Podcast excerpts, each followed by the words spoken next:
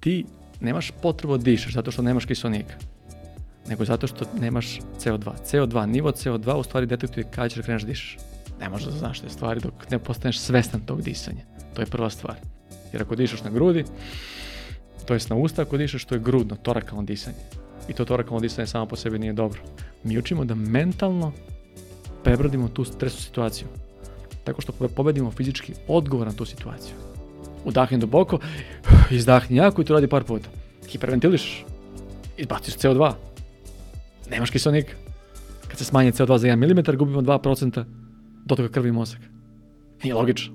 Ne samo disanje kako dišem dok sedim, dok hodaš kako diš, dok trčiš kako diš, dok gledaš film kako diš. Moje ime je Ivan Kosogor, a sa mnom je danas moj drug Srđan Zirojević i pričamo o tehnikama disanja, Pričamo o tome kako je uopšte Srki krenuo da se interesuje za disanje i gde ga njegova potraga dovela. Uh, svi dišemo. Ako gledate ovo, dišete. Tako da, ali ne dišemo svi na pravilan način i u razgovoru koji sledi saznaćete zapravo na koji način možete da krenete da pratite svoje disanje, da postanete svesni koje greške pravite i u kojim situacijama možete kroz disanje da pomognete sebi, svom telu, svom mozgu da najbolje reagujete, odnosno da najbolje odgovorite na date situacije. Ono što je za mene bio jedan uh, veliki osvrt na ovaj razgovor jeste da ne postoji samo jedna tehnika disanja koju ću da naučim na internetu i tu tehniku ću primenjivati svaki dan, već postoji određeni set sistema i tehnika koje će vam pomoći u tome. Više o tome u razgovoru koji sledi, ali pre nego što krenemo, želim da se zahvalim našim sponzorima, u pitanju su Bivic vitamini i minerali, koji sa svojim sloganom Uzmi zdravlje u svoje ruke se u potpunosti poklapaju sa pričom koju ja želim da promovišem kroz svoj rad, a to je da se okrenemo ka tome, čekaj, koja je moja odgovornost? moje zdravlje je zapravo moja odgovornost. Imate link u opisu profila gde možete više saznati o bivic, vitaminima i mineralima. Rekao sam u opisu profila, zapravo je u opisu ovog videa ili na bilo kojoj drugoj podcast platformi na kojoj nas slušate. Uživajte u razgovoru koji sledi.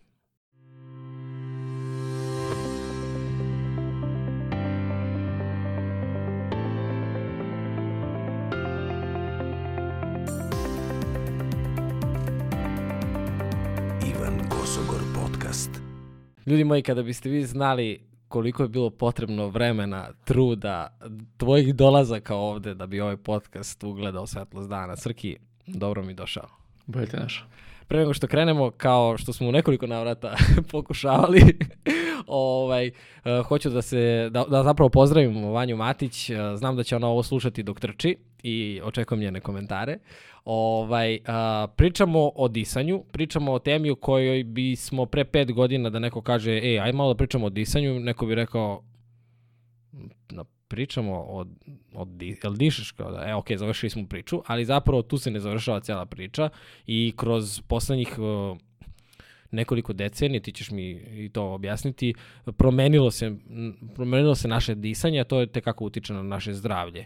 I sada se nekako uh, ponovo svetlo u Peru je, u, u ja se kaže u Peru je, sada se svetlo fokusira ponovo na, na, na disanje i ba, ponovo se stavlja akcenat zapravo na disanje, tako da odakle krenuti s tom pričom? Ja mnogo ljudi koji se bave generalno disanjem i koji žive od disanja, predaju disanje. Ja sam počeo tako što imam problem lični, već sam ga pričao kod tebe u podcastu, pa sam tražio šta je to što bi moglo da mi pomogne na neki način. 2016. godine sam prvi put negdje došao u kontakt sa tim. U prethodnih par pokušaja kad smo ono snimili, ja sam ti ispričao ovu priču, ali ispričat ću ponovo za ljude. Ja ću da kao... Da, daš kao... šalicu, se. Ti slušaj. E, ehm, pročio sam članak u novinama koji je rekao da, to je izgovorio o tome pričao, je kako naše nozdrve u toku dana smenjuju aktivnost. To jest jedna bude aktivnija, a druga bude manje aktivna. To traje od 30 minuta do 4 sata. čuješ nešto te drugačije, što je interesantno, i onda nastavak teksta ide da u stvari naše nozdrve imaju u sebi erektilno tkivo, kao i naši polni organi. Ja sam počeo malo to istraživanje da čitam i saznao sam u stvari da nozdrava desna aktivira levu hemisferu, nozdrava leva aktivira desnu hemisferu, da ako hoćeš da budeš budni, aktivni, dišeš na desnu nozdravu, ako želiš da se opustiš, da se relaksiraš, aktiviraš levu nozdravu ja sam pokušao neki eksperiment mali da radim, da svako jutro kad ustajem ujutro da vidim na koju nozdru stvarno diše. I u 90% slučajeva bilo je da kada ustajem ujutro da je desna nozdra bila aktivna, leva je bila malo zapušenija, a kada sam išao uveče da spavam, to je pred spavanja kad sam onako utonuo u san, leva je bila aktivnija, a desna je bila zapušenija, što odgovara toj čitoj priči. Kada kažeš leva i desna, možeš samo da mi pokažeš kako, kako uopšte proceniš koja je leva, koja je desna? Pa probaj sad stavi prst na jednoj, okay. vidi dalje aktivna, stavi na drugu, vidi kako ide. Ah. Koja ti je, koja ti je aktivnija? Ova. Da. Pokušao ujutro, Marijana, tu je s nama i ona isto pokušavala, identična je stvar. Kad ustajemo ujutro, desna je aktivnija, kad idemo spavamo, leva je aktivnija. I taj ciklus zove se nazalni ciklus i oni u toku dana se smenjuju na, od 30 minuta do 4 sata. Nozdrove se stalno, konstantno se smenjuju. Tako da je tu počela čitava ideja i priča da bi nešto moglo da se desi. Te godine izlazi knjiga um, Oxygen Advantage, odnosno na butejko disanje, koje je promenilo ljudima živote. Enormno. Koje u stvari priča da ljudi dišu preterano, da svi hiperventilišemo. Čak i dok ti ja sad razgovaramo, to nije dobro, znaš, za našu ventilaciju. Jer konstantno pričamo i sušujemo vazduh ustima. Dišemo na usta uglavnom. Zato su mnogi ljudi koji su govornici i tekako moraju se da paze u stvari kako dišu i na koji način dišu teško je u stvari napraviti paralelu kako započeti potragu za disanjem. Ali je interesantno da kažem da kad se rodimo, udahnemo, kad umremo, izdahnemo. I to je neki početak, čini mi se. Čak i Ebers Papirus, ako si čuo za njega, to je e, nemački egiptolog George Ebers je pronašao jedan svitak, to je skupio ga je, koji ima u sebi 700 lekova i recepata za razne bolesti, stanja. Počinje od toga da od ugriza krokodila, preloma noge, pa mm, disanih puta oboljenja, čak ima čitava anatomija srca. I taj svitak datira iz 1550. godine pre nove ere. I rečenica koju njemu kaže, dah život ulazi na, u, na nos, a ne na usta. Znači 1550 godina pre nove ere, neko je takođe znao ovo. Mi smo to vremenom izgubili, taj čitav sistem u nekoliko navrata u našim razgovorima koje smo snimili u podcastima si mi rekao tako neki podatak da onako pre 600 godina, 1000 godina neko je znao nešto što je medicina ili nauka su danas potvrdile. Kako je došlo uopšte do, do toga da da krenemo da dišemo na usta i da zamenimo da zamenimo taj proces. To je interesantno. Ja sam, evo, mogu da kažem od sebe, prvo nisam ni znao da dišam na usta. Ne možeš da znaš te stvari dok ne postaneš svestan tog disanja. To je prva stvar. Prva stvar koju treba znamo kad dišemo na usta, to je simpatička aktivnost. Vidjet ćeš, evo, diši na usta sad napravi 15 udaha, već ti se isuše usta. Ta suva usta, ne neostatak pljuvačke, ukazuje na simpatičku aktivnost. Ako zatvoriš usta, dišeš na nos, vidjet ćeš povećanje pljuvačke ustima. To je parasimpatička aktivnost. Vari i odmara, je jel tako? negde da je, to je prva stvar. Takođe ako dišemo nos, to su možda neke pravila dobre koje kažu, dišeš nos, otpor je dva, tri puta veći. Nos prečišćava, vlaži, filtrira vazduh koji nosimo. A usta samo nema tih komara, ovdje ima toliko puno komara koje kad ti udahneš mnogo je teže. Je li tako? Sa tim otporom, kao što sam ti rekao, već 20%, 10-20% unosi više kiselnika, ali ne samo to, nego ti kad dišeš nos, i to dišeš polako. Ti unosiš jedan gaz, zove se azotoksid. I taj gaz pomaže da se krv redistribuira po plućima. Jer ako dišeš na grudi, to jest na usta, ako dišeš, to je grudno, torakalno disanje. I to torakalno disanje samo po sebi nije dobro. Aktivira samo gornji deo pluća.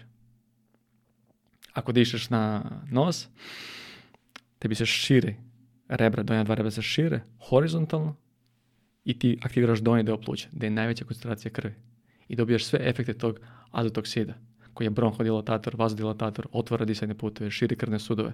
Jedna sjajna stvar. Takođe je dobar za, ne znam, za razne imuna u našem telu. Tako da dobijamo mnogo koristi koje su bitne od samog disaja nosa.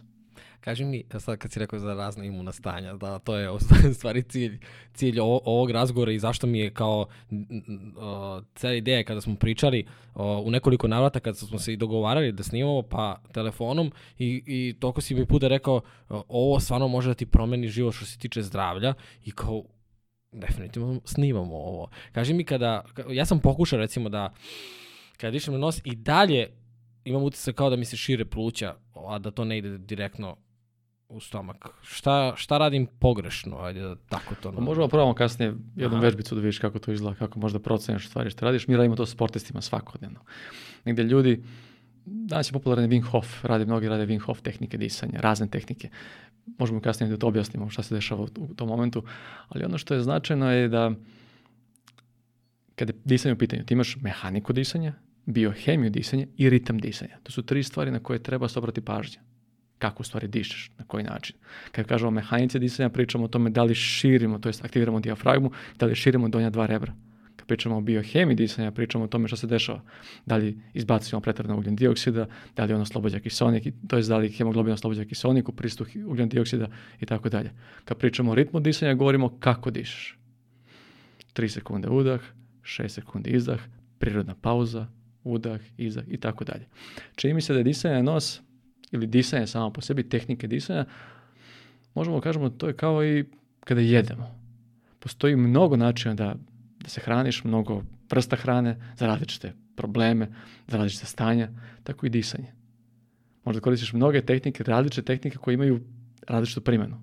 Isto kao i sa hranom, jedeš voće, povrće, fasting, autofagija, pričali smo o tome i tako dalje, tako i sa disanjem isto. Ti možda koristiš jako puno negde tehnika koje mogu da budu za različite stanje. Ja sam istra, četiri, pet godina istražujem tehnike. Probao sam preko 80 tehnika. Nije do tehnika, nego je da sve tehnike imaju isti mehanizam. To je isti, sličan mehanizam, možemo, možemo da ga objasnimo o čemu se radi u telu. Sama pranajama, te ljudi koji se bave tim znaju, ja sam uzeo knjigu jednu koja mi je opisala 60 vrsta disanja. Pa sam našao jednog instruktora s kojim sam radio, da vidim kako kako to izgleda, u stvari o čemu se radi.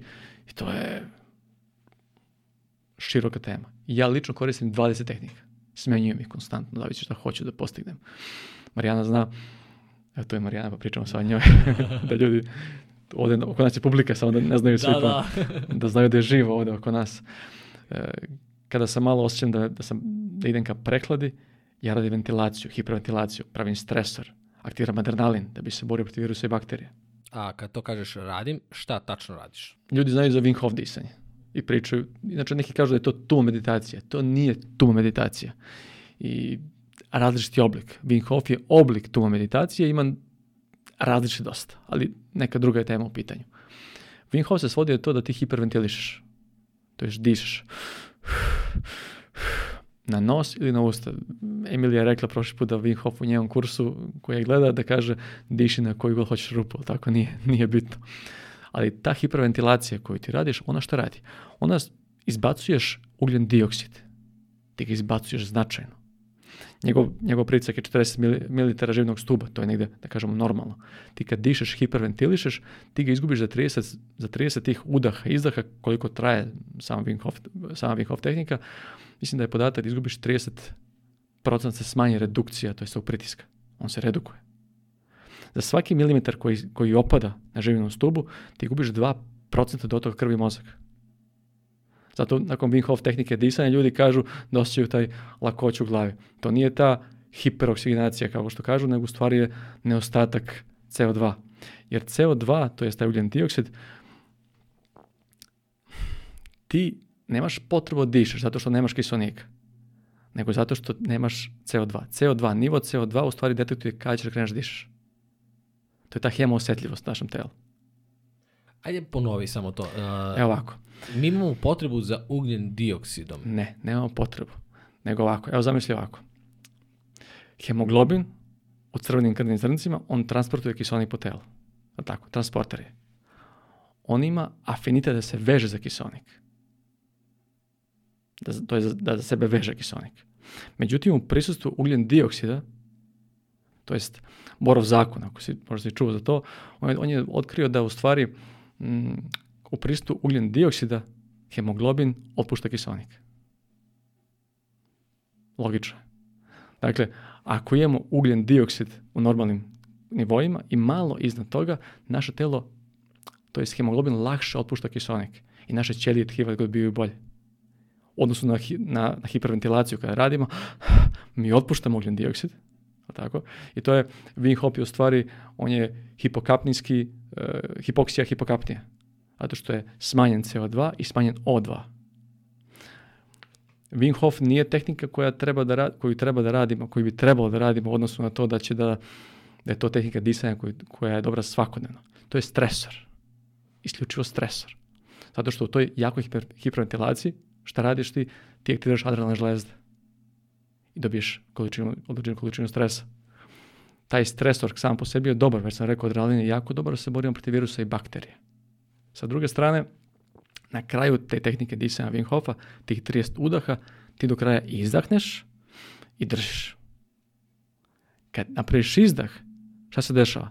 CO2, ugljen dioksid se podiže, ali mislim da je, ima istraživanje, doktor Šo je radio istraživanje, ljudi mogu da ukucaju i da pogledaju, da je dokazao da tokom Wim Hof disanja da se CO2 ne diže do svoje normale. Zato ljudi izdrže duže. Da, sad sam teo ti kažem, posle tih 30, ja sam praktikovao mm -hmm. jedno vreme, mogu da izdržim ono dva minuta bez problema, da se uopšte da, da, ne da. tresem. Znaš. Međutim, postoji drugi sistem, ja radim to s radimo stalno i bukvalno merimo njihovu toleranciju na CO2, jer hoćemo da oni dođu do 43-44 mm živinog stuba, da imaju takvu toleranciju na CO2. Takođe, anksioznost panike, i, to je stanje anksioznosti i panike, nema tolerancije na CO2. Ljudi su pretrano osetljivi. I onda počinje ta hiperventilacija i simpatični sistem je preaktivan. Suština čitava, suština toga da znamo kada šta koristimo Wim Hof ili Tumo ili šta god ili holotorsko disanje koje to ti ne bi preporučio da probaš. Mislim, dobro je ako te vodi terapeut koji te vodi postepeno i polako, ali to je 3 sata hiperventilacije. Toliko izbaciš ugljen dioksida da ljudi imaju halucinacije. Negde prepostavka je da, pošto znaš, ako smanjujemo ugljen dioksid, da gubimo dotok krvi i mozak, da amigdale, emocionalni procesori, izgube to jest nema, više, to, nema, nema krvi više toliko mozgu i nemaju više kisonika. Onda doživljavamo halucinacije, onda doživljavaju kao da smo praktično umrli. da ljudi u tom, na tom disanju imaju razne senzacije, razne stvari dobiju. Ja sam to probao jednom i više neću to da probavam, ali sam pokušao i, i neki ljudi su rekli da mi je to promenilo život. Ljudi koji traže potrebe, koji imaju strahove, razne probleme, negde taj reset amigdala koji se dogodi u tom trenutku sa tim prepostavka je sa ugljen dioksida, da u stvari ljudima da te neke senzacije koje su, koje su različite, drugačije su. Ovo ne preporučujemo nikom da radi, generalno. Ništa od ovoga što ja danas pričam ne preporučujem nikome da radi dok ne istražite dobro ili se ne konsultuje s nekim svojim specijalistom, zato što sve od ovoga može da bude i opasno u nekom trenutku ako čovjek ne zna što radi. Wim Hof nije za svakoga. To je dobra tehnika, ali je stresor. Što kaže ja moj prijatelj, nešto mi ne izgleda ni mladalački baš Binghoff. Mnogo adrenalina je tu uključeno. Ti se stalno s njim boriš, ti postaješ rezilijentni, ajde kažem, to mogu da iskoristim. Ja ga stalno koristim kada sam u nekoj virozi ili kada osjećam da sam malo onako, da sam bez energije ili podigem malo adrenalin. I to mi pomogne u velikom broju puta. Ono što radim svaki dan, u stvari koristim jedan sistem koji je mm, iz butejko metoda, koji ima zadatak da ti podigne nivo CO2 u telu. Bukvalno udišeš lagano na nos, lagano nečujno, 2-3 sekunde, a izdah je na nos takođe 5-6 sekundi sa prirodnom pauzom. Nakon nekog vremena ostiš glad za kisonikom. To je za vazduhom ostiš glad. Ta glad nije neostatak kisonika, nego je glad zato što ima mnogo ugljen dioksida. Dakle, ugljen dioksid podigao, i ti bi da udahniš sad. Rekli smo ta da hemoosjetljivost.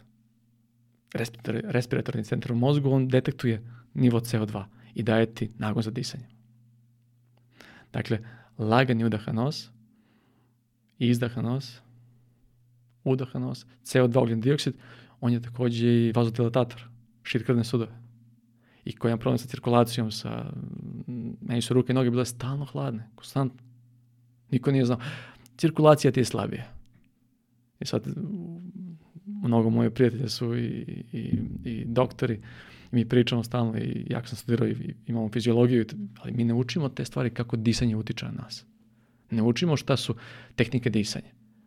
Meni su doktori rekli da, vratit ću se kasnije na ovu temu koju sam pričao, rekli su mi imam devijaciju da bi to trebao da operišem. Ja sam počeo da išao na nos i nakon dve godine na magnetnoj rezonanci više nisam trebao da radim e, operaciju. A nisam mogao da išam uopšte.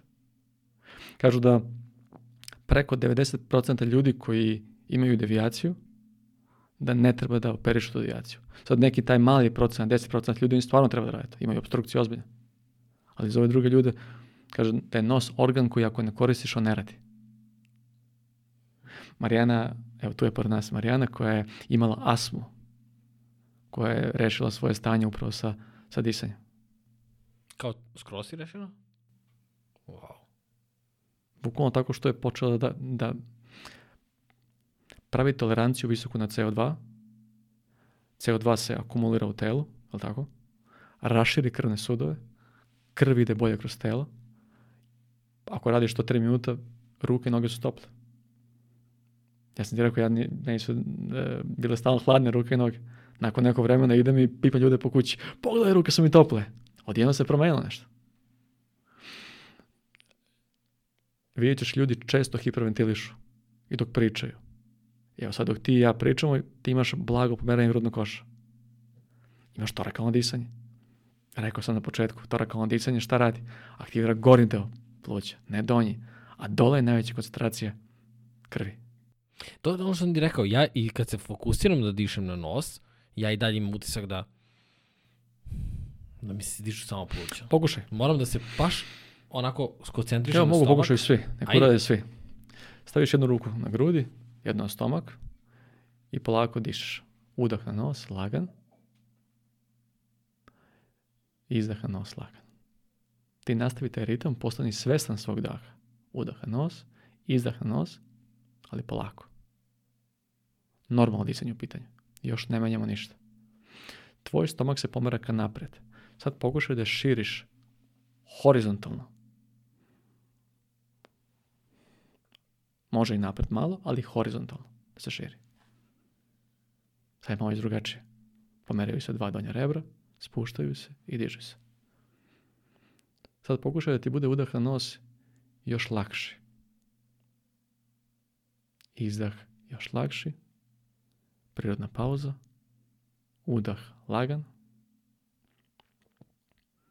I sad pokušaj da udišeš 3 sekunde. 1, 2, 3, a izdah 6. 3, 4, 5, 6. Udah 2, 3, izdah 4, 5, 6. Imaš malo poverenje u rudnu košu, probaj da ga stabilizuješ još i nastavi da radiš to disanje. Ako ti ritam, što lakše. Ako imaš pero na tvojoj gornjoj usni, to pero ne smije da se pomeri. Toliko lagan mora bude taj dah. I cilj je da ostiš glad za vazduhom. Da imaš tu blagu glad. Ne previše gladi, to je da je stresor. Hoćeš blagu glada da imaš. I vidjet ćeš već posle par minuta ja si ostio, počinju da budu topli. I dlanovi i stopala. To je 130.000 krvnih sudova se rašire. Baš sam osjetio drugačije kad si rekao da se širi to na, mehanika na stranu. Treba sam da kažem kako i onda samo polako mm. i kao Okay. Mi sa sportistima oni često nam kažu da imaju teške noge, da i noge klecaju. Mi znamo da su to zamorani mišići, da je dijafragma zamorana. Ona kada je zamorana uzima krv, krade krv iz nogu bukvalno. Onda im regulišemo disanje da bi mogli da, da nemaju probleme. Da nije, imamo sportistu koji na 155 otkucaja u, u minuti srca može, to jest mogu da tolerišu disanje na nos. Disanje na usta to je, to je druga brzina. Nas ne zanima u toku aktivnosti performanse, utakmice ili nečega, ti diši na usta slobodno. Nas zanima kako dišeš tokom tih ostalih 6 dana, 7 dana. Tu tvoja osetljivost mora da bude visoka. E, George Dalam, 2018. godine ima studija, ljudi mogu da ukucaju internetu, to će mi izaći, je napravio sa ne znam tačno koliko rekreativaca pola godine treninga, gde je samo koristio nazvalno disanje. Šest meseci. Za šest meseci njihova ventilacija smanjila se za 22%. Dakle, nisu imali toliko u minuti puta da udahnu i izdahnu. Za 22%.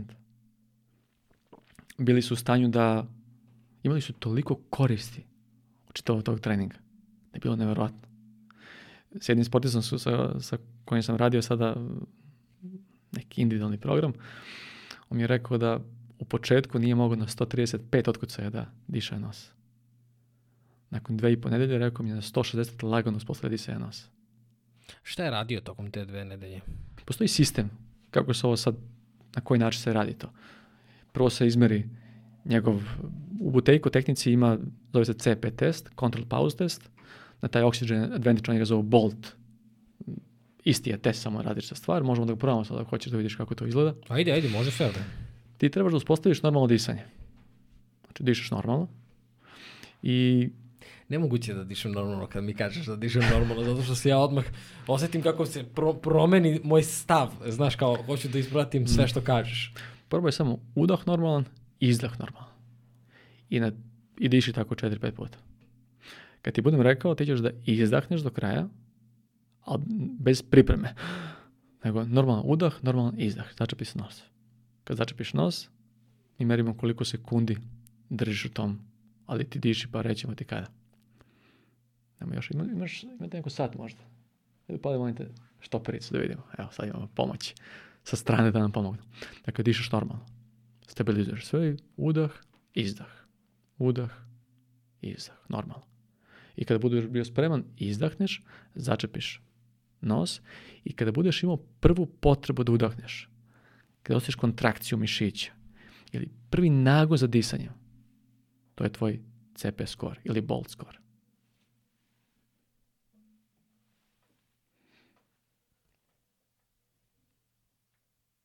5 sekundi.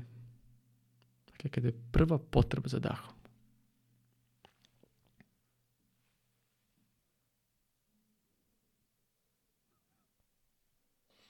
Koliko?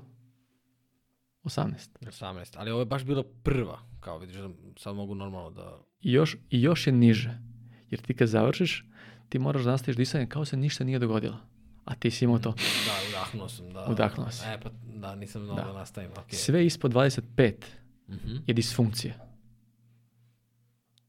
Ljudi koji imaju anksioznost, 8 do 12 do 14 je CP skor. Piloti imaju 50, 60. Kažu da ako imaš preko 40, više nemaš nijedan problem. Negde zdravstveni, čak toliko daleko je taj doktor Butejko da priča o tome. Ja ne bih to tvrdio, ali moram da kažem da moji su negde parametri 25-30. I to je ok. Ako hoćeš preko 30, ne možeš da vežbaš to sedeći, moraš se krećeš. Hodaš, začepiš nos. Znači ovo se vežba. To se vežba. Da bih do, došao do indeksa 25, tako, na primjer. Postoji mnogo sistema treninga. Postoji sada, ima Oxygen Advantage, Buteyko, ima još takvih 10-15 sistema. Ja sam razvio moj sistem za rad sa sportistima koji negde pokazuje dobar efekt. Ono što je logično, ti kad opet izdahneš, začepiš nos, akumuliraš CO2, krećeš se. Mišići kad se kreću šta rade? Izbacuju CO2, opet. Ti praviš visoku toleranciju od CO2. Kod, e, u članku koji smo pričali od Dalam koji je, koji je radio sa tim rekreativcima, on je uspio da im podigne na 44 ml živinog stuba toleranciju, što je izuzetno visoko. To je bukvalno nemaš potrebu za, za disanje na taj način. Nego da ti je smiren, i lagan.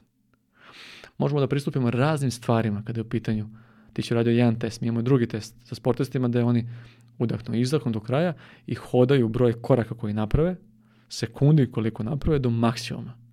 I onda imamo tabele određene pa znamo kakva je njihova tolerancija, pa računamo i merimo. Kasnije na ergospirometriji možemo da napravimo komparacije. Pa tačno znamo u stvari kako da ih treniramo na koji način da ne bi imali brza zamaranje. Postoji studija koja kaže da pošto sportu je jako bitno za sportistu, evo sad smo ušli u sport, ali nema veze, da pravi brze sprinte ponavljajuće. Ima mogućnost da se radi veliki broj sprinteva, da se obnavlja jako brzo.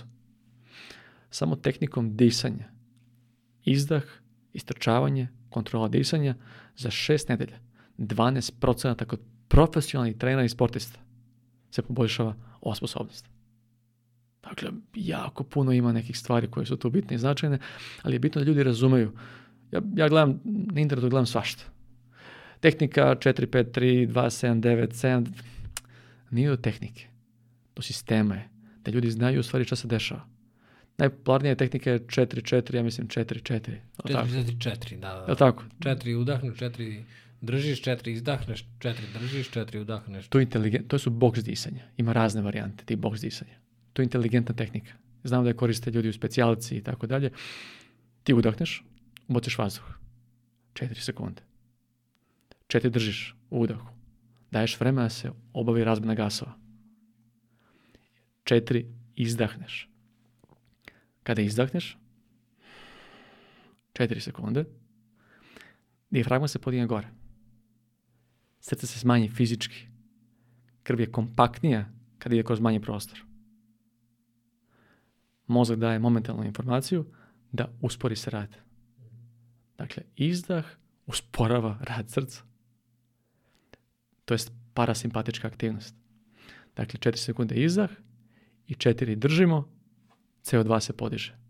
Kad se CO2 podiže, ćelije i tkiva dobijaju više kiselnika. Momentalno. Opet, 4 kiselnik, razmena, parasimpatička aktivnost, CO2 se podiže, To je tehnika koja je jako dobra. Kako je lepo napravljena da te smiri, redukuje stres, anksioznost, pomaže u mnogim stvarima. Još kad ljudi znaju informaciju što on zaista radi, naravno ja sam ovdje ovo totalno pojednostavio proces, sistemi su mnogo komplikovani i kompleksni, ali su, ovo je sistem koji je jednostavan. Ne želim, nikad ne želimo da uđemo u previše stresa kada je ovo pitanje. Ja za stresora koristim tumu ili Wim Hof ili kako god. Dobar je stresor. Jer oko tebe je mnogo toga stres. Realno. Je tako? Stalno primaš neki stres. Ti hoćeš da naučiš tvoje telo da postane otpornije na stresore. Fizičke, emocionalne, psih, psihološke, kakve god stresore su, hemijske stresore ili tako dalje. Dakle, želiš da tvoje telo postane tolerantno, rezilijentno, otporno. To je pojenta čitave priča. Ti kada doživiš prvi stresni impuls, tvoje tijelo ima nekoliko sistema. Te paravertebralne ganglije, ganglijski neuroni, što oni rade, oni prvo aktiviraju acetilholin. On pokreće mišiće. Kao odgovor na taj acetilholin aktiviraju se postganglijski neuroni koji postoje adrenalin, to se čuo, adrenalin tokom, tokom stresa ide adrenalin. Postoje dva dejstva adrenalina u tom sistemu. Putem beta receptora on aktivira određene mišiće, to je širi krvne sudove i krv ide u ruke, noge, ubrza se rad srca. Sa druge strane, on gasi putem određenih receptora, on gasi neke sisteme, to je smanjuje dotok krvi, digestija, reprodukcija. U samom stresu ne radi ni digestija ni reprodukcija, nego je krv u našim ekstremitetima. Kada u tom sistemu stresa mi napravimo tehniku disanja sa zadržavanjem vazduha, to jest izdahnemo, zadržimo, šta mi radimo? Mi učimo da mentalno prebrodimo tu stresnu situaciju, tako što pobedimo fizički odgovor na tu situaciju. Jer kakav ti je odgovor fizički na stres? Radio si Wim Hof. Već nakon 20 udaka ti imaš blage tremore, nije prijatno. Ali u izdahu se osjećaš jako dobro. Sve se smiri, je li tako? I upravo u najvećem stresu ljudi koriste tehnike disanja kao dobre alate da pomognu svemu tomu. Dobiješ stres, izdah, podigne se CO2, i u tom momentu tkive organi dobiju mnogo kiselnika. Tvoj posao je samo da ne praviš jake ventilacije. Da. Ne dobijaš ništa sa tim. Pogotovo ne zaboraviš svaki put kada udahneš na nos. Iz tih paranazalnih sinusi u njima postoji jako puno tog azdoksida. I ti kada udahneš, on uđe u čitava tvoja plućna krila i čitavu krv redistribuira plućnim krilima. Dobio si puno efekata, puno koristi. Samo ako svoje disanje redukuješ. Meni je bilo interesantno, setio sam se kasnije da kada sam bio mlađi, gledao sam filmove Bruce Lee, Jackie Chan i glumci, pa ih ovi njihovi treneri treniraju. Kažu, diši nos, smiri se, neću čujem tvoj dah. I stvarno postoji u tom Ebers papirusu postoji jedan sistem koji upravo govori na tu temu i priča onaj koji diše. Osoba pored njega ga ne bi trebao, to jest ne bi smela da čuje kako on diše.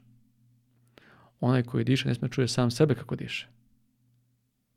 I onaj koji diše ne sme da osjeća sebe kako diše. Toliko treba je da taj dah neprimetan i lagan. I disanje nosi ključno. Jer vidjet ćeš ako dišeš i na usta, 42% vode više gubiš.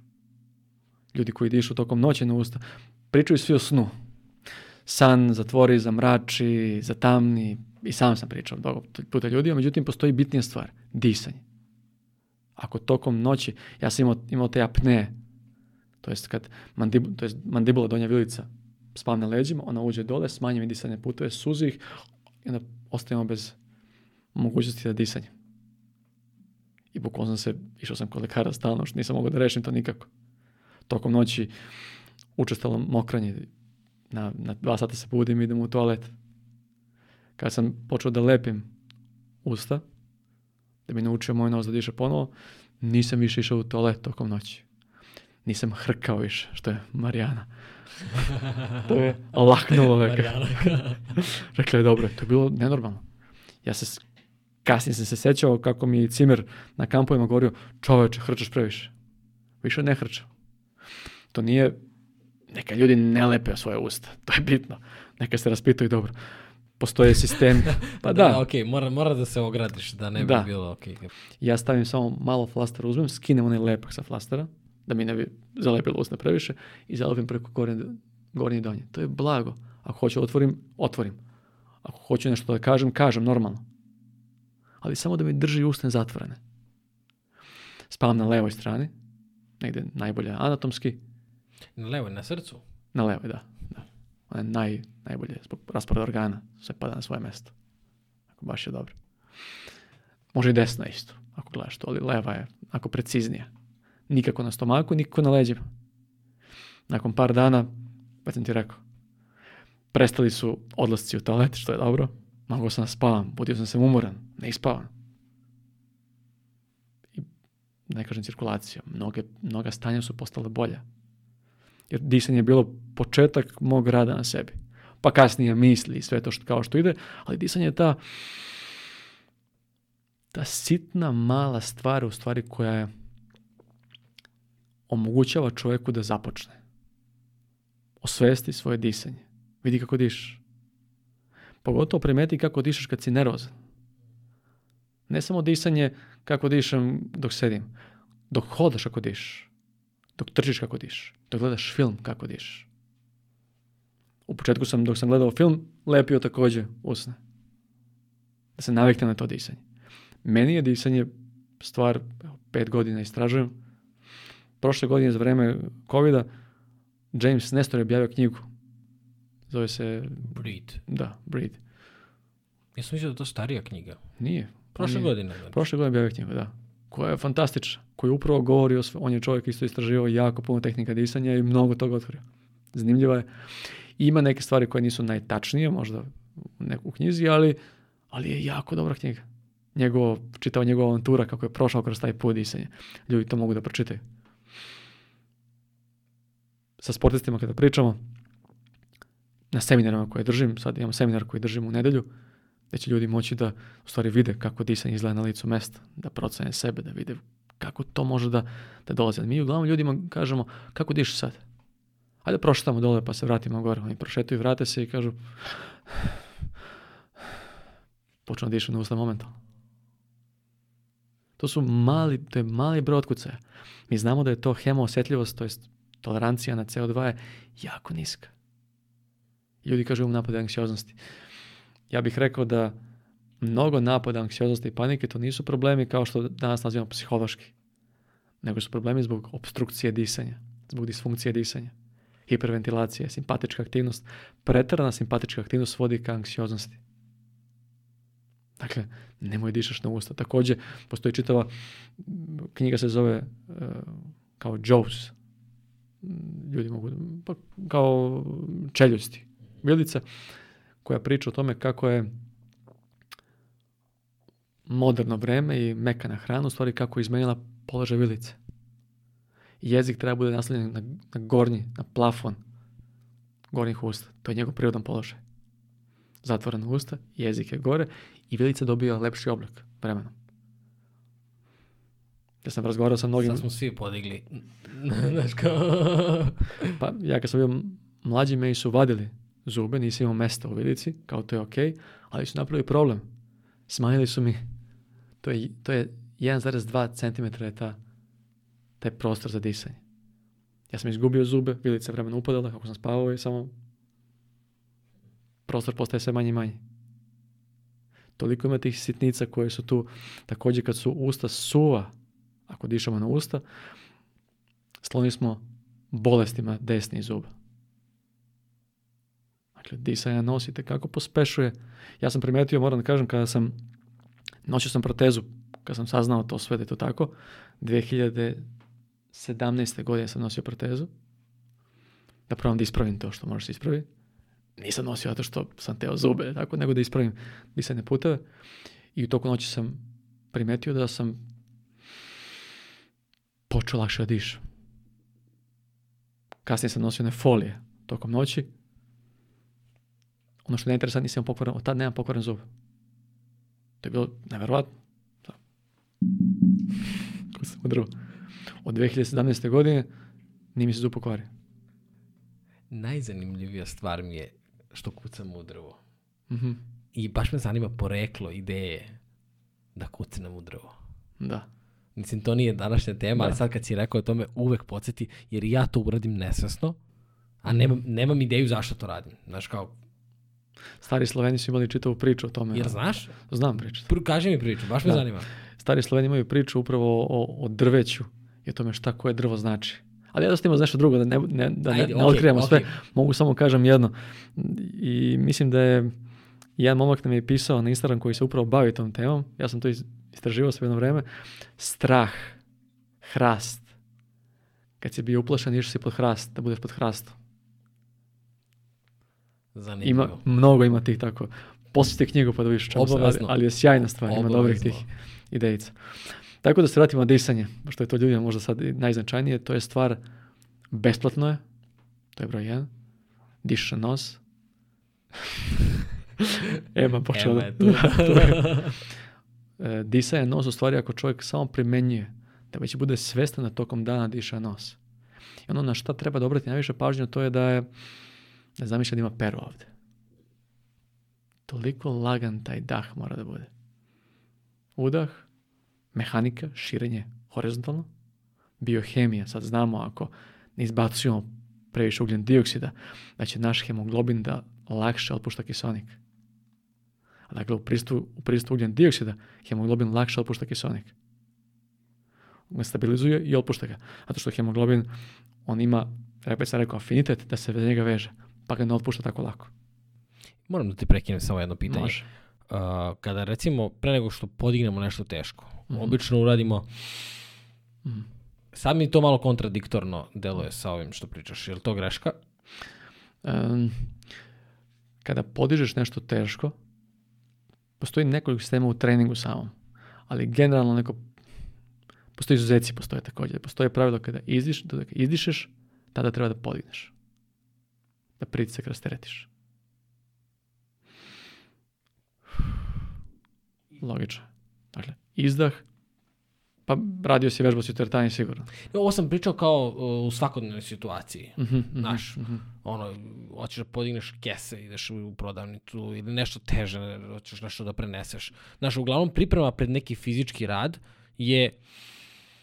Pa to postoji pravilo koje ljudima kažu udahni duboko kaj nešto. To, to, to, dobro. to te pitam. To je jedno od, ja sam često slušao ljude koji, se, koji rade s ljudima kažu udahni duboko pred nastup. Ne. Udahni duboko, izdahni jako i to radi par puta. Hiperventiliš, izbaciš CO2, nemaš kiselnika. Kad se smanji CO2 za 1 mm, gubimo 2% dotoka krvi i mozak. Nije logično.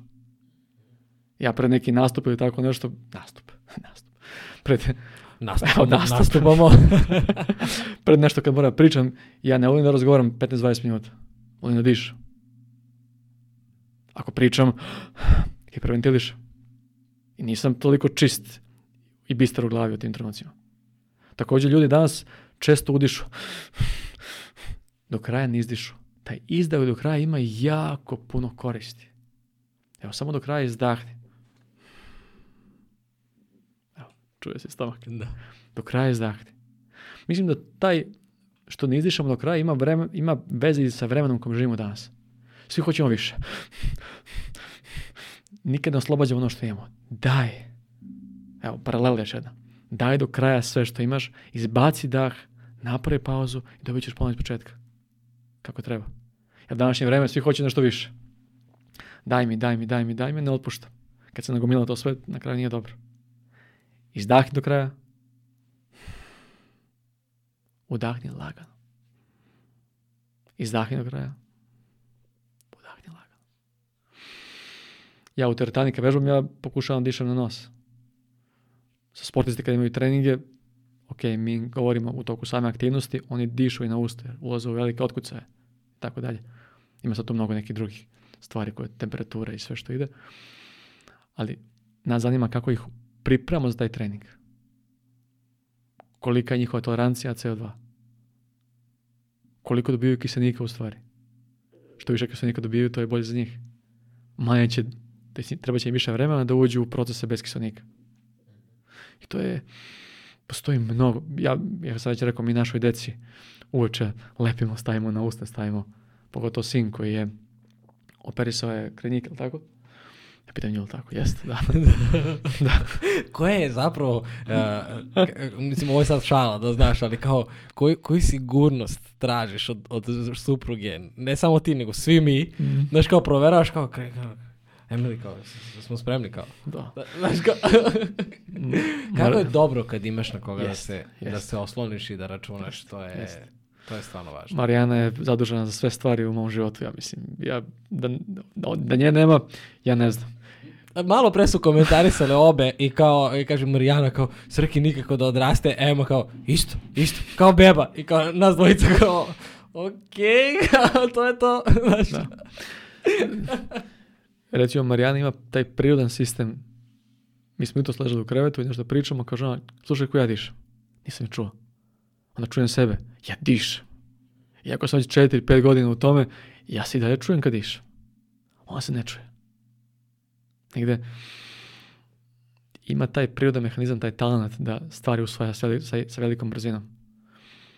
Disanje je jako značajno, pogotovo na nos. Disanje na usta nije dobro. To je brzina neka veća u nekim velikim aktivnostima i nemamo slučajno taj sistem. Danas moramo sve da, op, nekada, da, da pravimo neku optimizaciju svega. Disanja, misli i tako dalje, ali je potrebno je. Da vreme u kojem živimo je prebrzo. I čovjek mora stanje da uspori nekada. I upravo kako si usporavao pre, sa disanjem. Stani, diši. Pa i sama meditacija i uh, kada pričamo o tim stvarima, sve se zapravo isvodi na, na disanje. Ali hoću pre nego što krenemo malo, da pričamo o tome i o tehnikama, uh, kada je recimo u pitanju trčanje, disanje na nos, do koje, do koje granice je okej? Okay? To je neprijatno. Evo, krenje da trči sa i da džogiraš svaki dan po 30 minuta i diši je nos. I prati svoje otkucaje. Prati svoju srčnu variabilnost. Malo se igraj sa tim, pogledaj. Biće ti mnogo teško. Ja to radim, nije, nije mi, mm -hmm. ne mogu da izdržim dugo na, na nos da dišem. Mogu da se podsjetim mm -hmm. uh, kad trčim, to što sam ti rekao i kad smo pričali ovako, bez, kada nismo snimali, da da imam, da se podsjetim tako što zamislim nos mi je bliže mozgu. Ah. Sećaš se kad si, kao, Ivo, ne funkcioniš to tako. Rekao, znam, znam, to mi je asocijacija samo.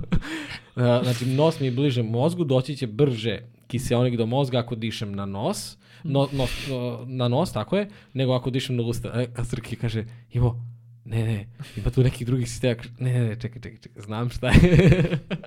Mislim, ti si lepo to zaključio. Disanje na nos, udah, izdah, CO2 je tu, kiseonik dolazi lakše u naše telo. Kad ga prenosi brže. Ne, ovo mi je rekao Marko, Marko Ranković, on je sad drugi bio na maratonu u mm -hmm. Beogradskom. I on mi je rekao kao, ja kad trčim i uhvatim sebe da dišem na usta, ja se I to mm -hmm. mi je tako ostalo dobra asocijacija bravo. da me bukvalno ne razmišljam o tome. E, to je to. Bravo, bravo. Mm, lagano ja mogu recimo 162, 3 otkud se da kontrolišem di se je nas. Nisam mogao ni 120, 118. Neko hodanje uz brdo je, već sam bio. Što je negdje, kad pogledamo, nema ni smisla. Mi izbacujemo te ugljen dioksid, ali oslobođamo kiselnik na pravi način. I onda je bitno da se uspostavi to disenos. Ja nisam sreo nikoga da, niko nas nikada nije učio o tome. Niko nije pričao o tome. I juče sam razgovarao sa jednim fiziologom, malog iz Kragujevca, evo pozdravljam ovom prilikom, ako bude ovo gledao, i on kaže, da, nas to niko nije učio. Evo na medijskom fakultetu, mi nismo učili u stvari kako disanje deluje na naše telo, na koji način. Mi znamo sisteme, mehanizme, to, ali ne znamo u stvari šta se dešava to. Kako možemo da pospešimo sebe, na koji način. Danas i kako znamo to. I vidimo da je prva stvar koju čovjek treba da uradi nije da istražuje tehnike, metode raznih oblasti, alternativnih, kvantnih, psiholoških dostignuća. Kako diš? Imam anksioznost, da, kako dišiš? Kakva je to tvoja tolerancija na CO2? Kakva ti je hemosetljivost? Mi se stalno adaptiramo. Ti je, bar receptori u našim glavnim krvnim sudovima, oni stalno mere pritisak. Kad je pritisak veći, oni šire krvne sudove. Konstantno neka adaptacija u našem telu. Stalno se nešto događa i dešava. Konstantno. I disanje je najbolji način da pristupimo našem telu. On je toliko je specifično usperen da možda kontrolišeš sve disanje. Kad malo bolje pogledaš, u nekim kulturama je disanje na usta nepoštovanje i sramota. U James Nestor je pisao u knjizi da je naišao na pleme gde majke kada rode, e, kada rode dete i kada ga doje, kada završe, pored njega, pored njega ne znam, stoje i, i blago mu začepe usne da diše nos. Ja sam pričao na, na kanalu Instagram, moja učiteljica je stalno govorila zatvori. Sad sam to pomislio, da. ja sam da, da, ti, da ti kažem da ispričaš to. Sad, ove sekunde. Konstantno, Ziroviću, zatvori usta, zatvori usta, zatvori usta. Zatvori usta. Diše nos, diše nos. To su neka ljudi znali. Moj trener prvi karate, Mirkor Paravinja, pozdravljam ga, koji je stalno govorio dište nos, dište nos, dište nos. Ali ne razumeš to na pravi način u tim trenucima Kao da ti nije ti to dovoljno. Mi danas našoj deci govorimo stalno, diši na nos. Kad sin nešto priča pa, ah, sad ću da vam kažem. Ček, ček, ček, polako. Ajde, dakle nas. I on već pokazuje u stvari kakva je njegova osjetljivost. Ne, u kom smeru bi išao. Možda nekom moja genetika, a znamo kako je bilo moje stanje. Da je sad vreme da njih učiš, hej, diši na nos, to je bitno. Lagan udah, lagan izdah. Drži jezik gore. Meni čerka kaže, meni je mnogo lakše da držim jezik gore. I to je pravilna vilica se razvija. I kad pogledaš, Helena stvarno ima lepo vilicu, ali tako? A to je prirodno. Ona drži, drži jezik gore. Ima, uh, uh, to sam isto, slušao sam malo Nestora kad priča uh, i kaže recimo da je sa alergijama isto tako povezano. I to sam, sa nekim sam pričao pre možda nedelju dana i ja kažem, ej, pomenem to za, za alergije disanje, kaže, ali ja ne mogu da dišem na nos jer imam alergije. Kažem, ti imaš alergiju očigledno jer ne dišeš na nos. Hm. Jer to je njegovo, to je njegovo što, sam, da. što sam čuo, znaš kao. Pa ima mnogo sistema, počeš od jetre pa tako dalje, ali to je malo, ajde da kažem, drugačija priča, ali disanje nos je prva stvar koju čovjek hoće da uspostaviti. Pogotovo da uzme koristi azotoksida. To je jako bitan gas. Jako bitan. I ako dišemo brzo i rapidno, to jest brzo dišemo, mi gubimo njegov efekt.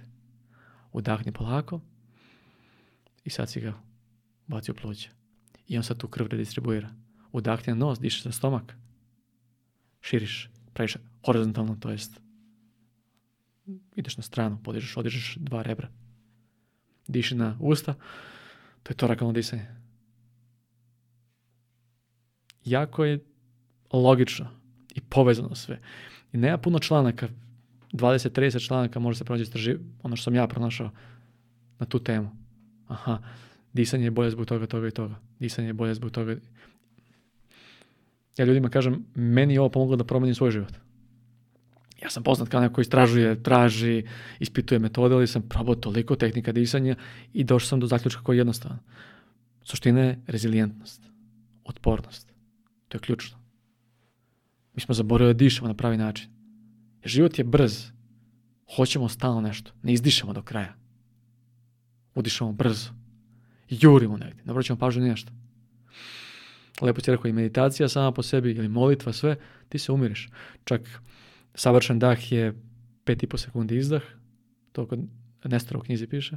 6 sekundi je, da kažemo, to je ventilacija je bila šest je optimalan broj, što je najbolje, ali 5,5 sekundi je udah, 5,5 sekundi je izdah. I to je 5,5 litara. To redko da. ko radi sada. Kad, znaš da. je 5 sekundi kad se skoncentrišeš da udahneš 5 mm. sekundi i da izdahneš? Najbolje je za ljude koji su malo pa da odnos udaha i izdaha bude 1,5 odnosu na izdah. Kada dakle, izdah bude malo duži, rekli smo to je ta parasimpatička kombinacija. Logično je. Izdahneš, dijafragma ode gore, srce se malo postaje fizički manje, šta radi, šta radi tečnost u malom, pro, malom manjem prostoru, ide brže. Reaguje mozak, počne informaciju, uspori, usporava. To je taj izdah. On ti usporava sve. Udah. I fragment dole, sve kontra. I posle stresne situacije, znaš, kad prođe, uh, sad si Bravo. objasnio, sad Bravo. si objasnio Tako Čovjek, šta se... Uf, dobro je. Da, da, opustio je da. sve. Da, da. Konačno je opustio sve i sebe. Mm. Bitno je za roditelje da prate svoju decu kako dišu. Bitno je za nastavnike u školama, za učitelje. Ako već imaju đake, ako rade, da gledaju kako dišu. Naša, naš jedan trener mi pre treninga mi uzmemo čašicu vode, popijemo i ako na kraju treninga ne izbacimo isto toliko vode, onda se kao kažnjava sa nečim. Da vidi da smo disali u stvari na nos ili nismo. Sad ima to neke svoje problema, naravno, ali, ali kogod ima decu ili ko se bavi sa malom decom, prvi akcent je da dišu o nos. Da ih učimo da dišu o nos. Kad na tabli izlazi da, da odgovara za nešto, nije pojenta da je pogrešio da ne zna koja reka da se nalazi. Nego sačekaj polako, aj udahni lepo. Udahni nos. Izdahni, opusti se. Pa ne znam, već su u nervozi. I to je lekcija školstva upravo treba da bude ta, da nas uči na koji način da, da uđemo u život. Naučit ćemo mi lako šta se gde nalazi, ali hajde naučimo osnovu i prvu i osnovnu stvar, to je disanje. Ja bih volao da mi je neko rekao to kad sam imao 10 godina, da mi je to neko pričao svaki dan. Ti čuješ to od učitelja i od trenera, ali ti to nije toliko značajno. Nije bilo toliko edukacije kao danas. Ja znam koliko mi provodimo vreme našu deci govoreći, diši nas, Mogu ti kažem nešto je bilo u školi danas. Ček, ček, ček, polako. Udahni nos. Polako. Udahni polako. On, ne, ne, ne, udahni polako nos. Kao se ne događa ništa. Sad taj sam trening se radi u ležećem položaju, sedećem položaju, stojiš, hodaš. Mora se namesti sve na duži je malo put tog učenja. Neko mi je pisao kad sam objavio zdisanje kao e, srđane nije moguće u aktivnosti sportskoj da, da dišeš na nos malo pre sam već rekao, pa ne zanima šta radiš tokom aktivnosti sportske. Me zanima kako ti treniraš i kako radiš tokom svakog dana. Tvoja će tolerancija biti veća na nuklearni dioksid. Nećeš imati potrebu da radiš te hiperventilacije koje su snažne. Tako da, ako bi iko želeo da se, da se bavi disanjem, bilo bi dobro da istraži malo sve o disanju, da li on to može da radi i prvo da uspostavi disanje nosa, da ga uspostavi. To je neprijatno teško. Pa evo, pokušaj, teže. Ja nisam nikad im, nekada pre nisam mogu da uradim to. Začepljan skroz. Rekao sam jednostavno kad sam, to kad sam bio u Americi, pa rekao sam da imam cisto na sinusu jednu, pa devijaciju, pa sve.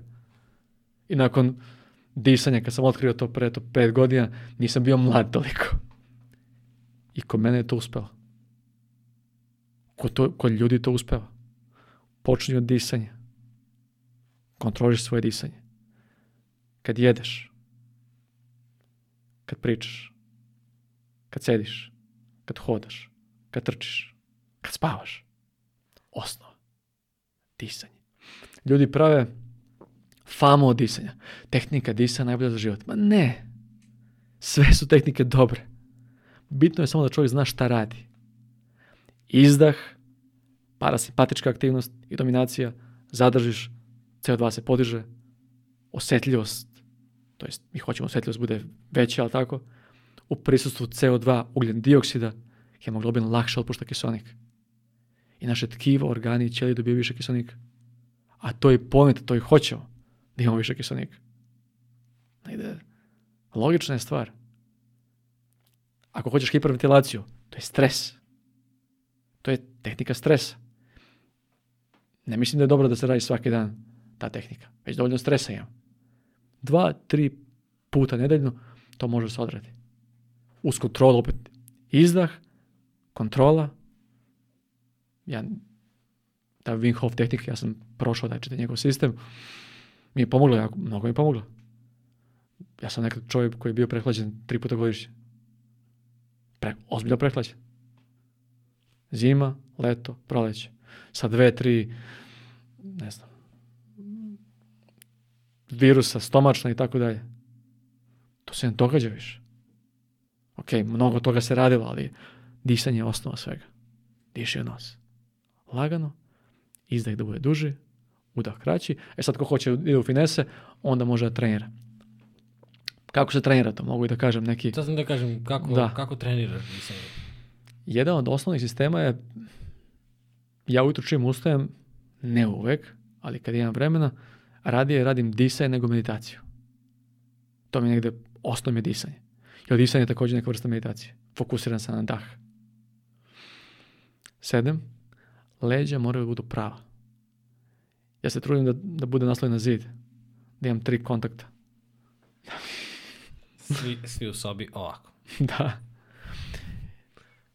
Vilica je postavljena horizontalno, i lagano udahne na nos.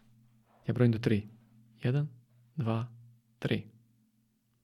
Izdahnem pet. Jedan, dva, tri, četiri, pet. Pauza lagano, prirodna pauza. Jedan, dva, tri. To radim četiri do pet minuta. Kako prolazi vreme, ja smanjujem. Jedan, dva. Jedan, dva, tri, četiri, pet. Pa na kraju tek toliko dodaš da mali Ovo su ekstremi. Neka to ne radi niko. Nego pričamo kako, kako bi moglo da se radi. Nakon dve serije ruke, noge budu mi vrele. Rekli smo ugljen dioksid, širi krvne sudove, 130.000 km krvnih sudova u našem telu se prošire. Krvi da brže. I ne samo da je brže, nego se lakše otpušta kisonik do tkiva, organa i ćelije.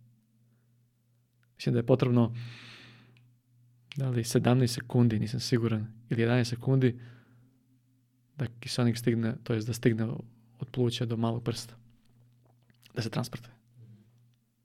Dakle, ima, i kako ima smisla uraditi. Kad završim ta 4 minuta, uspostavim normalno disanje. Ali kada ga uspostavim, ne smijem da radim ovo. Gotovo je. Tokom ta 4 minuta ja ostim glad za vazduhom konstantno. Ne zaboravi glas za vazduhom je u stvari ta moja netolerancija na CO2. Kako napredujem, sve mi je, sve mi je manja netolerancija. Ljudi stigli do 44 ml, mm živinog stuba, što je velika stvar.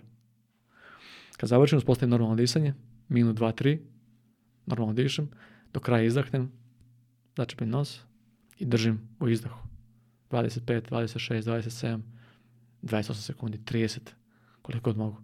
Završim i nastavim tako nekoliko serija. I to radim ujutru i uveče. Sa ovim sistemom može se dođe do tog CP skora do 25, 26, 27. Ako hoćete više, to je preko 30, onda se rade tehnike u hodanju. Hodaš, začepiš, ideš. Sistem je identičan, samo postoje sad razne varijante. Zavisi kako su testovi koje se naprave. Tako da disanje je stvarno interesantno i možemo da ga implementiramo svakodnevno. Ne košta nikoga da probao. Dobro je. Eto, ja sam istražio 90 metoda različitih. 90 metoda. Svašta sam probao. I ovo ne govorim kao neki čovjek koji prodaje tehniku disanja. Ne govorim zato što sam radio to, istražio sam, probao sam mnogo toga i video sam u stvari kako to funkcioniše i, kako... i pomoglo mi je mnogo ono što je meni zanimljivo, malo pre si rekao, prvo hvala da ti što si rekao da ne radiš svako jutro. Jer o, ljudi koji, koji o, kada gledaš nekoga i želiš da radiš to isto što i on radi i on ti kaže da to radi svakog dana bez greške, ti prvi dan kad prestaneš, drugi, treći, ti više nikad nećeš to raditi jer imaš utisak ako onaj radi svaki dan, dajemo rezultate, ja neću da gubim vreme ako neću da radim svaki dan. Znaš, i prosto odjednom ta postane toliko preveliko da ti se povlačiš. Tako da mnogo ti hvala što si to rekao, zato što je to jako važno za ljude koji slušaju.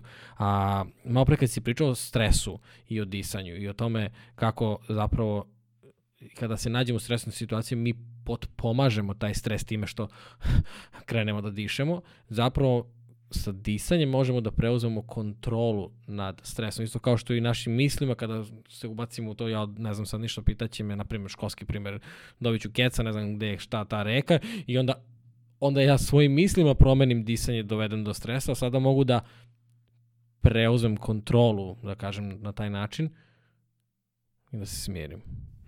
Pa ne zaboravi samo kad si pod stresom, kad te nešto uznemiri. Što se prvo događa? Ja kad vidim da nekog da udiše stalno i ima stalno, nešto se događa. Sad neću da pričati jedan primer koji se dogodio baš pre nekoliko dana, ali dobili smo rezultat 7 sekundi na, na, na maksimalnom testu. To nije ovaj, nego je to test hodanja. Da idemo do maksimuma. I imali smo situaciju da je, da je taj čovjek imao ozbiljan životni problem. I da je rekao da od tad više ne može spava, ne može ništa. To se pokazalo direktno na njegovoj ventilaciji način na koji on diše. I jedan, dva dana da uspostavi disanje, međutim, dok sa njim pričaš, već nakon dva minuta on je ovako otvori usta. Nije lako to kontrolisati konstantno. Ali samo se vratimo negde u, u prošlost. Meni uvijek prolaze kroz ideju te, te neke borilačke veštine istoka gde su oni ej, smiri disanje.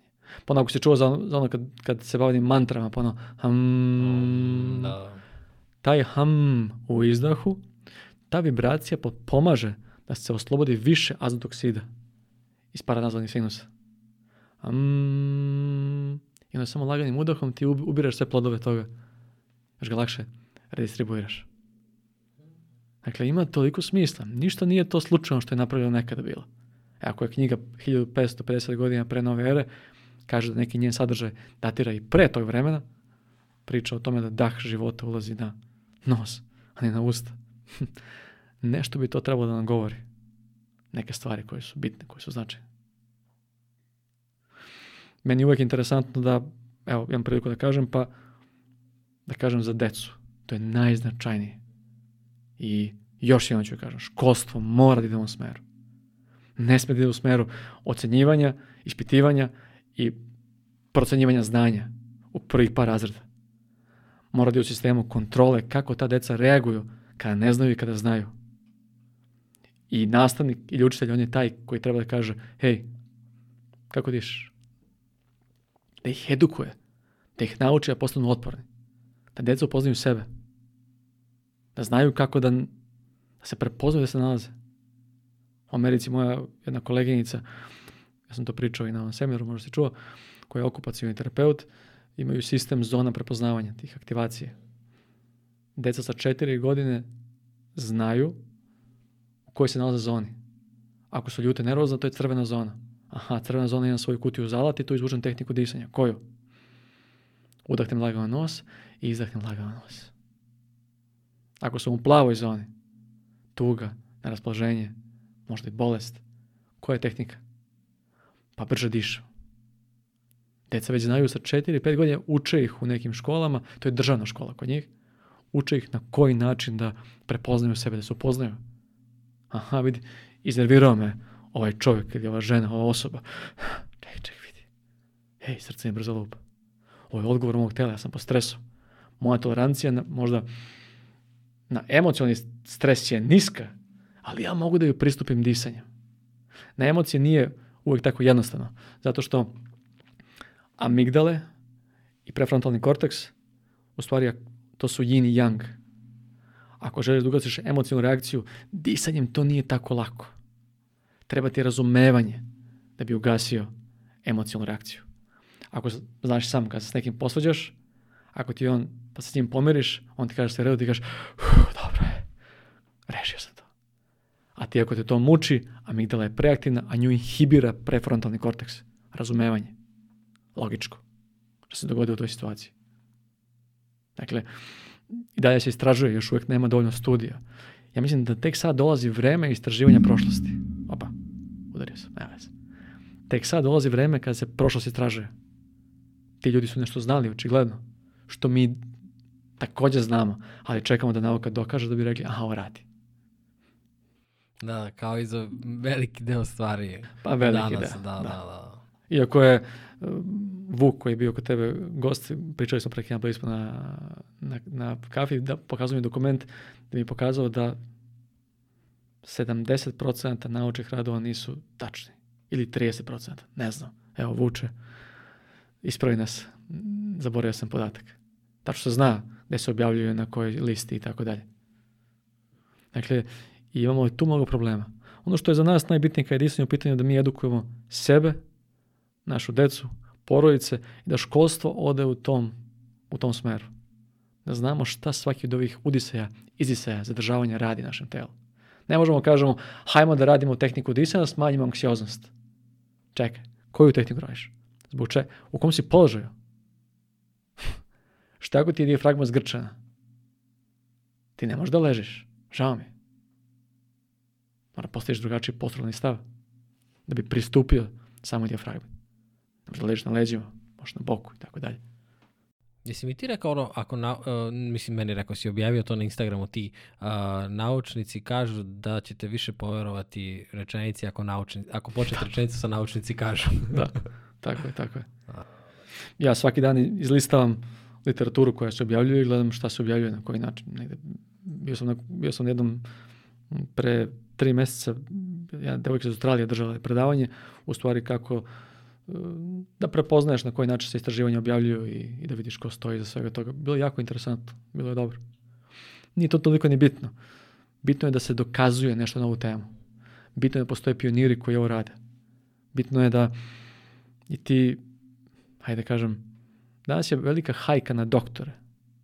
Negde, ne ide se u pravom smeru, svi jurimo ka nekoj alternativi. Hm, ti ljudi su konstantno po stresu. On zove dobije 50 pacijenata koju mora svako da obradi. On je konstantno pod stresom. Odakle njemu tolerancija i razumevanje da on svakom pristupi sa lakoćom? Pa i njima treba edukacija kako se smiri. Gde gleda svog sagovornika? Ako gleda u usta, fokus se, to jest brže troši. Ako gledaš sagovornika u oči i u čelo, manje se trošiš. Mnogo sistema koje čovjek mora nauči. Edukacija je bitna, jer vreme eto, stalno govorim vreme u kojem živimo je teško, brzo i tako dalje. Nije ni teško ni brzo i jeste teško i brzo. Zato što ne znamo kako da vladamo sobom. Ulazimo lako u konflikte, ulazimo lako u probleme, ne razumemo sebe, ne poznajemo sebe. Evo, tehnika disa. O disu možda pričamo satima, danima, mehanizmima, telo. Ja sam uprostio svake od ovih zakona i principa i fizioloških, biohemijskih, nema potrebe sada da, da ljudima pričamo, nego bitno je da znaju šta se dešava na nekom primitivnom nivou da je to moguće. Si po stresu? Jesi. Šta treba da radiš? Pa diši na ovakav način. Si stalno bolešljiv. Pa prvo se konsultuj svojim lekarom specijalistom. A onda probaj da se izlažeš malo jačim stresorima. To jest slabim stresorima, da stimuliš adrenalin, da bi se adaptirao. I uz održavanje daha, adaptiraš se. Odvojaš um od tela. Bukvalno ih odvojaš. Ne želiš da ih spojiš, ne želiš da ih odvojiš. Da bi naučio da kontrolišaš umom svoje telo. Ako je telo mašina, ako je alat, ako je, daje nam, krećemo se, radimo sa njim, evo, znači sam ja objavljam stalno ljudima, obilazim razne sportove, svašta radim. Jer je ovo telo zahteva kretnju. Dalo mi je raspone, opsage pokreta, dalo mi je snagu, dalo mi je... Ja po cedan sedim i, i pijem kafu i kukam koje je teško. Kreći se. Najbolja stvar za emocije je kretanje. Kreći se. Mnogo ljudi kažu, ja sam počeo vežbam pa sam e, izlečio svoje stanje. Da, super. Neki ne mogu, neki mogu. Kreći se i diši. Kreći se i diši. Prve dve stvari. Kad to usavršiš, nastavi dalje. Kako god možeš da se krećeš. Ljudi koji nemaju tu, imaju tu nesreću da, da ne mogu da se kreću, imaju su neku nesreću i tako dalje, i oni takođe mogu da, da pokreću možda neki deo njih se kreću, da budu slobodni. Ako ne mogu i to, dah mogu da kontrolišu. I dah je sloboda, širimo, otvaramo mišiće, respiratorne. To su jako bitne i značajne stvari. Da svako tome treba da pristupi. Možda će dosadni pričamo, stalno jedno te isto, ali... ali... Ne, ovo sad što si rekao jako zanimljivo, imaš sjajnu knjigu, ne znam da li si čitao Um iznad medicine. Ovaj, šalim, ti si mi poklonio tu knjigu. Ali stvarno je sjajna knjiga koja upravo to objašnjava odnos lekara, pacijenta, kako treba da se pristupi i ovaj... Teško im je mnogo. Jeste. Mnogo je. Ja imam mnogo prijatelja, mm. mnogo prijatelja, jedan stvarno. I nije im lako. Šta misliš da je, samo bih sad hoću da se vratim samo na o, za disanje. Šta misliš da je o, e, najveći izazov sa ljudima koji krenu, ok, sad mi je jasno, treba da da dišem, treba mi, ok, hoću da, šta misliš da im je najveći izazov da opstanu, znači da, da rade to, da nastave da rade, šta, šta je ono što bude, ah, zaboravio sam danas i to je to, neću više. Samo posmatranje je ključna stvar u tom čitavom sistemu. Da posmatraš šta radiš, na koji način radiš, da li dišeš. Samo posmatranje je ključna, ključan faktor svakog pojedinca. Ne znam koliko ljudi može u stvari da se samo posmatra. To je mnogo teško. Samo malo bolje razmisli. Koliko ljudi može da bude objektivno u nekom sistemu samo posmatranja prema sebi? Koliko puta smo mi objektivni prema, prema drugim ljudima? I tako i disanje. Samo posmatranje je osnova nečega da znamo zbog čega dišemo, kako dišemo i, i čemu nas, gde nas to vodi. Jer disanje stvarno može da promeni život. Nama, našoj deci, sutra imat ćeš ti decu. I koja je prva stvar koju će ih naučiti da rade? Sad siguran sam da kad dobijete dete, da ćete mu zatvorite usne, tako da diše nos. Tek sad moram da kažem daj Bože. Daj da Bože. Da ja u drugo. Da. Siguran sam da ćeš, ja sam znao da kad su moji imali dve, tri godine, ja bih već tada lepio ili stavljao okusa to malo Prvi stvar. put kad si mi rekao da, da im lepiš mm -hmm. i kad mhm. smo pričali telefonom, bilo mi je ekstremno kao uh, Aha, šta lepi, radi, lepi, šta radi ovaj znaš, ali sad kad si objasnio da je zapravo to nije baš, baš To ti je mali, koje, da, mali da, flaster, kapir. skineš sa palcem onaj lepak i to bukvalno samo stoji, čim uradiš ovo, on pada. Samo Ali da, dovoljno da je tu. Dovoljno da, te... da je tu, tako mm -hmm. je. Postoji taj, zove se, mislim da se zove mayo tape. Tako se zove, to je okusan ovako. Znači, tebi da su usne slobode, ali samo postoji kao mali flaster okusan. Ti pričaš, radiš normalno sve, ali on ti skuplja Čekaj, te toliko. baš za to? Baš za to. Bukvalno ovako. Okay. I to se koristi kod dece najčešće. I to je super stvar. Mm. Najbitnija stvar u svemu tome je da li čovjek stvarno može da da li želi da promeni sebe. Ja želim zbog moje dece, želim zbog sebe. Jer vodio sam jedan život koji je bio prepun problema i bolova i, i niko nije imao rešenje. Mi kad uzmemo moj fajl iz, da ne reklamiram, ambulante po Beorodu, imam fajlove velike. Sad više kao da, kao da neki drugi čovjek živio taj život. Ali prvo je počelo sve od samo posmatranja. Gde sam krenuo? Šta radim? Šta hoću da radim? Šta se dešava kad se rodimo? Udahnem. Ajde krenemo dah. I taj članak mi je pomogao da vidim u stvari te ciklus i to me zainteresovalo za tu čitavu priču. I kasnije vidiš da ima mnogo autora koji se bave tom tematikom. Taj ruski doktor Butejko je u svojoj knjizi objavio da imao je ljude koji su izlečili ozbiljna stanja. Pa preozbiljna stanja. Da ne imenujem sada bolesti jednu po jednu. Ali kažu da su disali dnevno po 5-6 sati u tim sistemima. Svesno disali. Svesno disali. U toj tehnici. Manji udah, duži izdah. Parasimpatičko, ugljen dioksid, transport boljeg kiselnika, ozbiljne stanja su rešavali. Naravno, ovdje mehanizam ide i i u kompleksnije stvari. Ali ovo negde osnova koju ljudi treba da znaju. Tako da, ako neko može da počne da krene, to je da se posmatra. Kako sedi, kako diše, to je prva stvar. Kad god si ovde, čekaj, ajde spremi. Kako diše sad? Ne dišem. Mnogo ljudi ne diše. Koliko puta hodiš sebe u pauzi da ne dišeš uopšte? Evo, dve osnovne stvari. Pa te kasnije neke idu na razne stvari koje ljudi rade. ja prvi. Ali ovo su stvarno osnove. Ako želite dobar san, kako dišete tokom noći? Kako se pripremate za disanje? Ja na seminarima ljudima pokazujem kako da pripreme svoje telo za obrok disanjem. Kako da ubrzaju digestiju disanjem. Postoji jako puno tih sitnih stvari koje su bitne, koje su značajne. A ovo je sve nekad postojalo. I mi smo za ovo napravljeni. Ali smo zbog vremena u kom živim, opet to ponavljam, promenili to sve.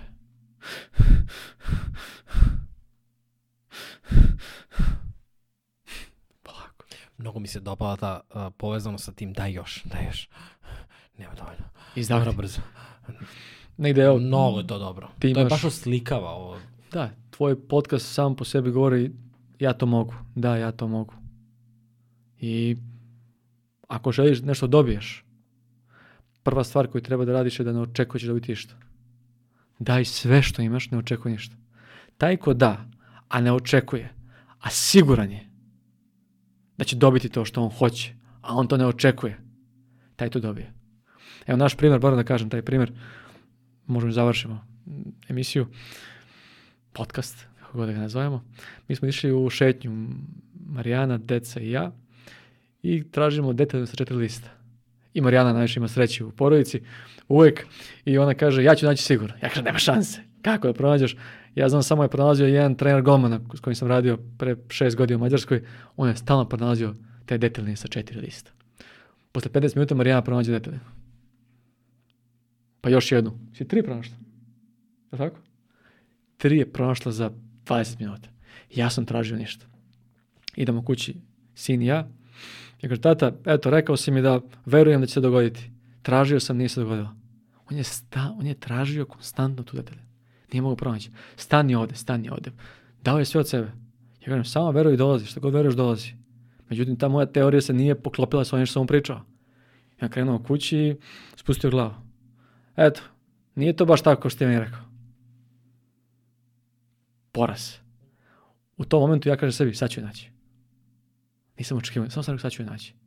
Kažem, ajde da pogledamo još malo, možda hoćeš još. Kažem, hajmo još. Rekao si da ako verujemo. Ovako sam otvorio. I tamo je bilo. I ja zatvorim i kažem, ajmo tražimo zajedno, gde mi će biti.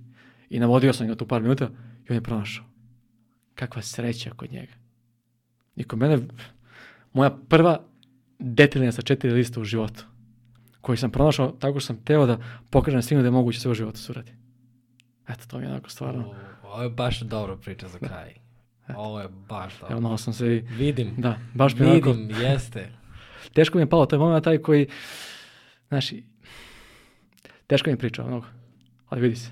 Eto. Hvala ti što si podelio sa nama i sa nama svima ovde i svi, svi koji slušaju i ja samo moram da kažem kroz ceo podcast Marijana se smeška i mnogo mi je drago što si ti i ti ode sa nama. Toliko smo čekali da je Marijana dođe u celu priču. Srki, hvala ti puno na, na svemu što si rekao. Neću da sada filozofiram i hvala ti puno za sve što si deo naših života. Pričam u ime mene i Eme. I, ovaj, I baš se radujem da, da vidim gde će ovo naše prijateljstvo ići, cela priča, uvek si dobrodošao, to znaš, u kuću, podcast, šta god, tu smo. Hvala puno, bilo mi je uživanje kao i uvek i ti me vraćaš na da, mikrofon, da, ja bežem da, ovde da, da, stalno, čekaj se vratim za kraj. Uživao sam kao i uvek. Ideš ka Marijani. Idem ka njoj, da. ona me vuče. Da. Uživao sam kao i uvek, zadovoljstvo je.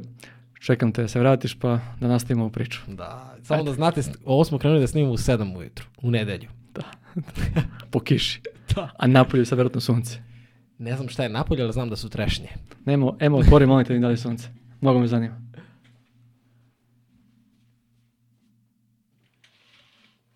Ovo traje? Da. Sunce. Eto. Ej. To je to. Hvala vam svima koji ste slušali i gledali. Vidimo se. Ćao. Vidimo se, prijatno.